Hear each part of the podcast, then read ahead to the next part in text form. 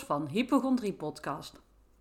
Vandaag wil ik het met jullie gaan hebben over hoe om te gaan met triggers. Ik merk bij mijn klanten en op mijn community dat er heel veel mensen zijn die het enorm lastig vinden om hun eh, patronen te doorbreken en hoe om te gaan met triggers. Dat wanneer dat ze last hebben van triggers, dat ze heel snel geneigd zijn om weer vanuit angst te reageren, in dat patroon te schieten, wat ze zo gewend zijn om te gaan doen. Uh, meteen denken dat het het ergste is, naar de huisarts willen gaan. Noem maar op, echt enorm veel angst en paniek. En dat het enorm lastig is om dat te doorbreken. En dat is het ook. Want het is zo'n onbewust programma dat het zo snel aangaat dat je echt denkt van, oh, poeh. en het voelt ook zo realistisch. He, jouw angst die voelt zo reëel en dan denk je van jezelf, ja, maar misschien is het nu wel zo. En je gaat al zo in die gedachte mee van, ja, maar dadelijk is het wel zo. Ik kan wel denken, het is niet zo.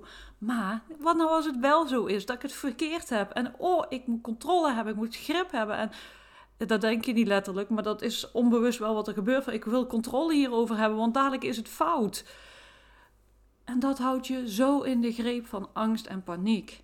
Het houdt je zo in de greep van de hypochondrie. En daardoor is het ook zo lastig om ervan uh, af te komen, los te komen. Ehm, maar het vergt echt van je dat je leert vertrouwen. Echt weer leert vertrouwen op jezelf, op je lijf, relativeren. Wat is het ergste dat er kan gebeuren? Wat als het niet zo is? Kijken naar welke triggers dat eronder zitten en echt leren anders te handelen leren vertrouwen dat het echt gewoon oké is. En misschien wel van, we zien wel als het wel zo is. Want wat verandert het als je nu het wel hebt? Wat verandert het jou? Gaat het je nog meer angst en paniek geven? Of geeft het je rust omdat je denkt van, oh ja, zie je wel, ik had gelijk. Het kan allemaal, het is allemaal goed en helemaal niks fouts aan. Maar sommige mensen voelen juist ook wel eens geruststelling als het dan iets is. Maar eigenlijk willen we allemaal dat we gezond zijn. Maar omdat je zo graag gezond wil zijn, waarom ben je dan zo bezig met het ziek zijn? wat nu als je ziek wordt? Wat nu als het wel iets ernstigs is? wat zit daar nu onder? Want diep daaronder zit het dat je gewoon gezond wil zijn. Dat is jouw verlangen. Jouw verlangen is dat je wil leven, dat je gezond wil zijn, dat je wil genieten van het leven, dat je innerlijke rust wil hebben, noem maar op dat is voor iedereen een beetje anders, maar het onderliggend zit er wel onder dat je gewoon gezond wil zijn, wil leven. Maar je bent zo bezig met de angst voor ziekte, met wat er mis kan zijn, dat er iets niet goed is. Maar jouw lichaam raakt daar ook helemaal van in de war. Terwijl dat je echt weer terug mag naar die basis van vertrouwen.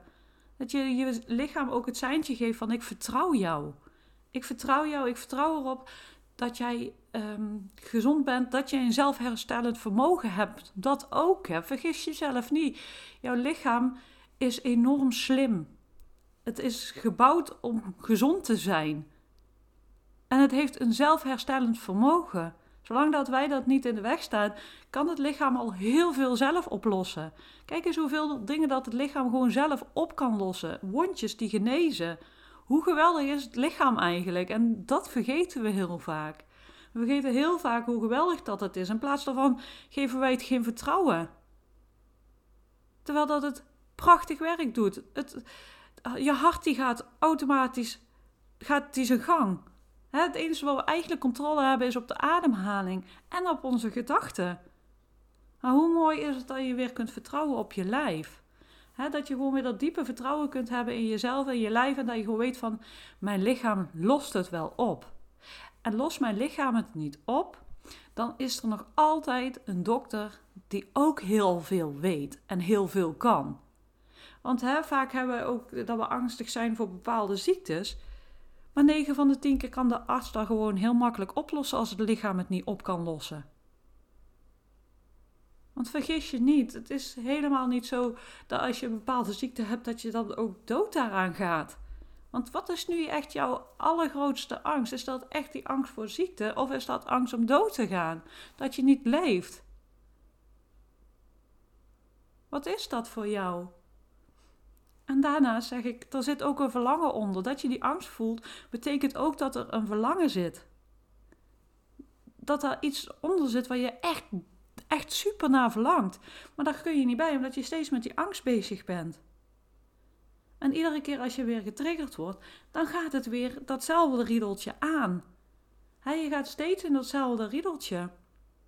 Maar er zit dus een verlangen onder, waarin je ook weer mag leren vertrouwen op het leven, op jezelf, op je lichaam, op al die dingen. En dat is een reis en dat is een proces.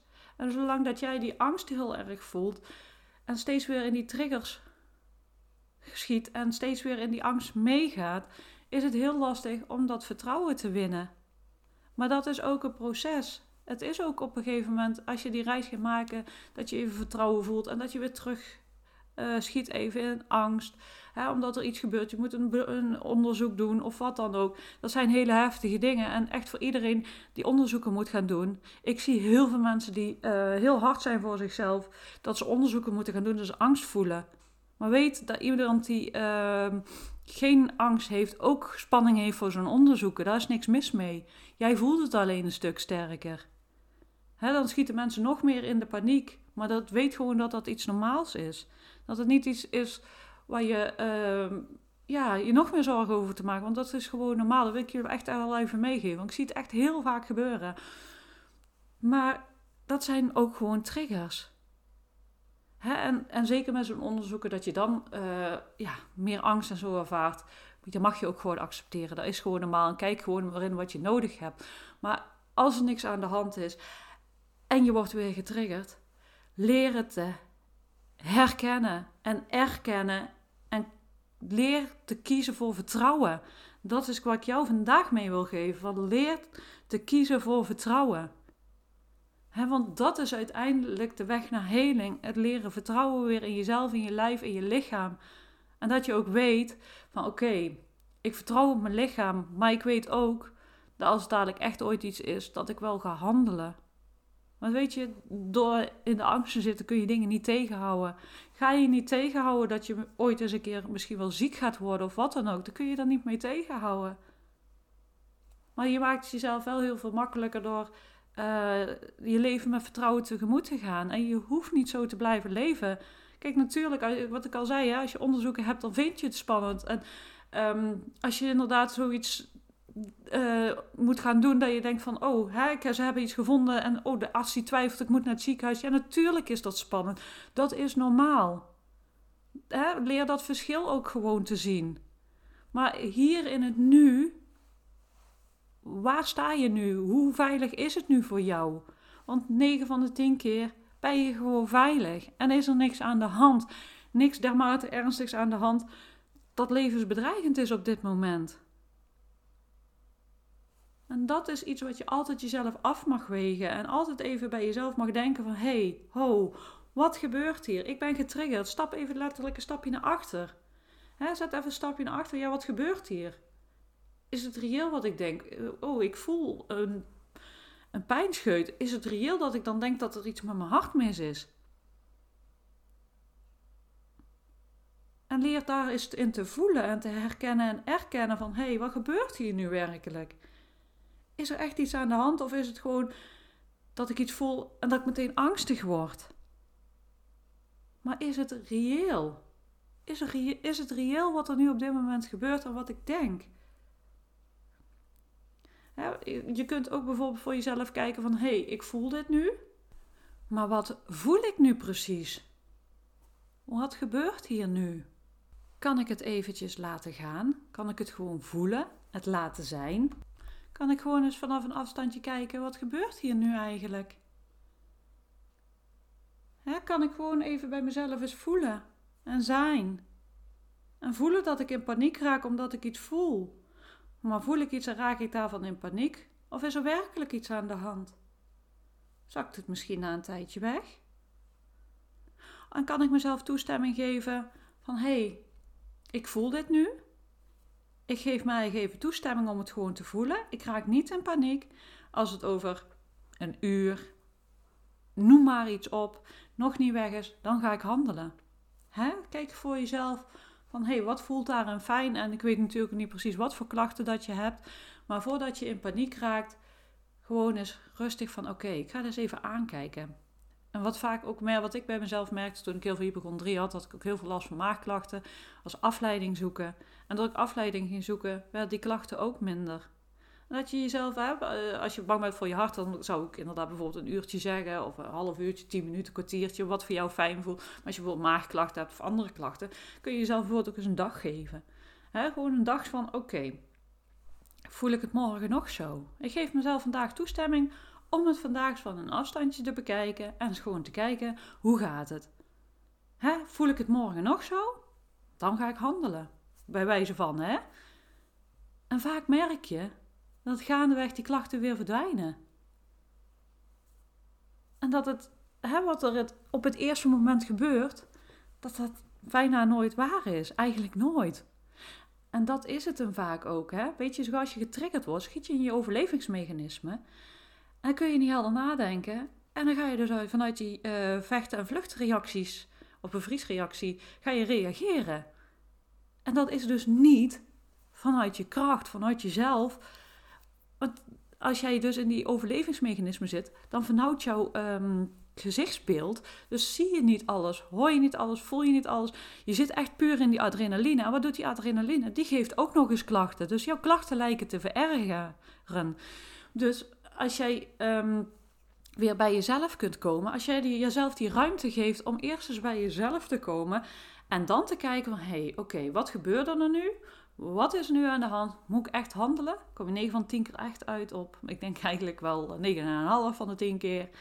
En misschien zelfs 9,9 van de 10 keer is het zo dat je denkt van, oh ja, zie je, niks aan de hand. Maar weet je, je doorbreekt wel je patroon hiermee.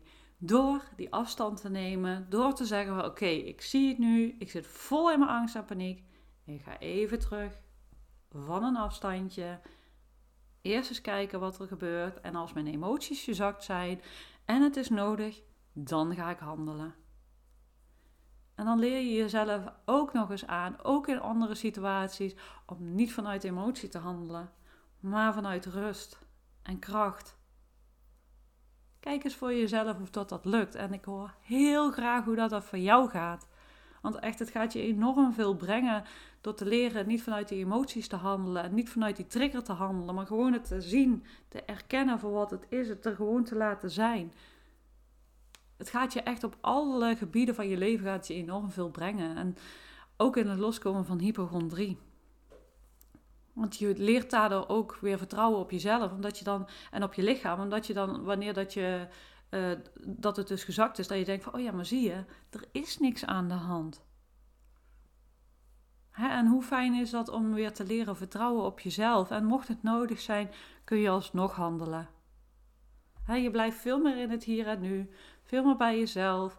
En mocht het nodig zijn, dan kan het heel fijn om ook te, kijken naar wat die triggers nu daadwerkelijk zijn. Want soms is het gewoon ook echt nodig om die triggers bij de angel eruit te trekken, zodat het niet steeds weer aangaat.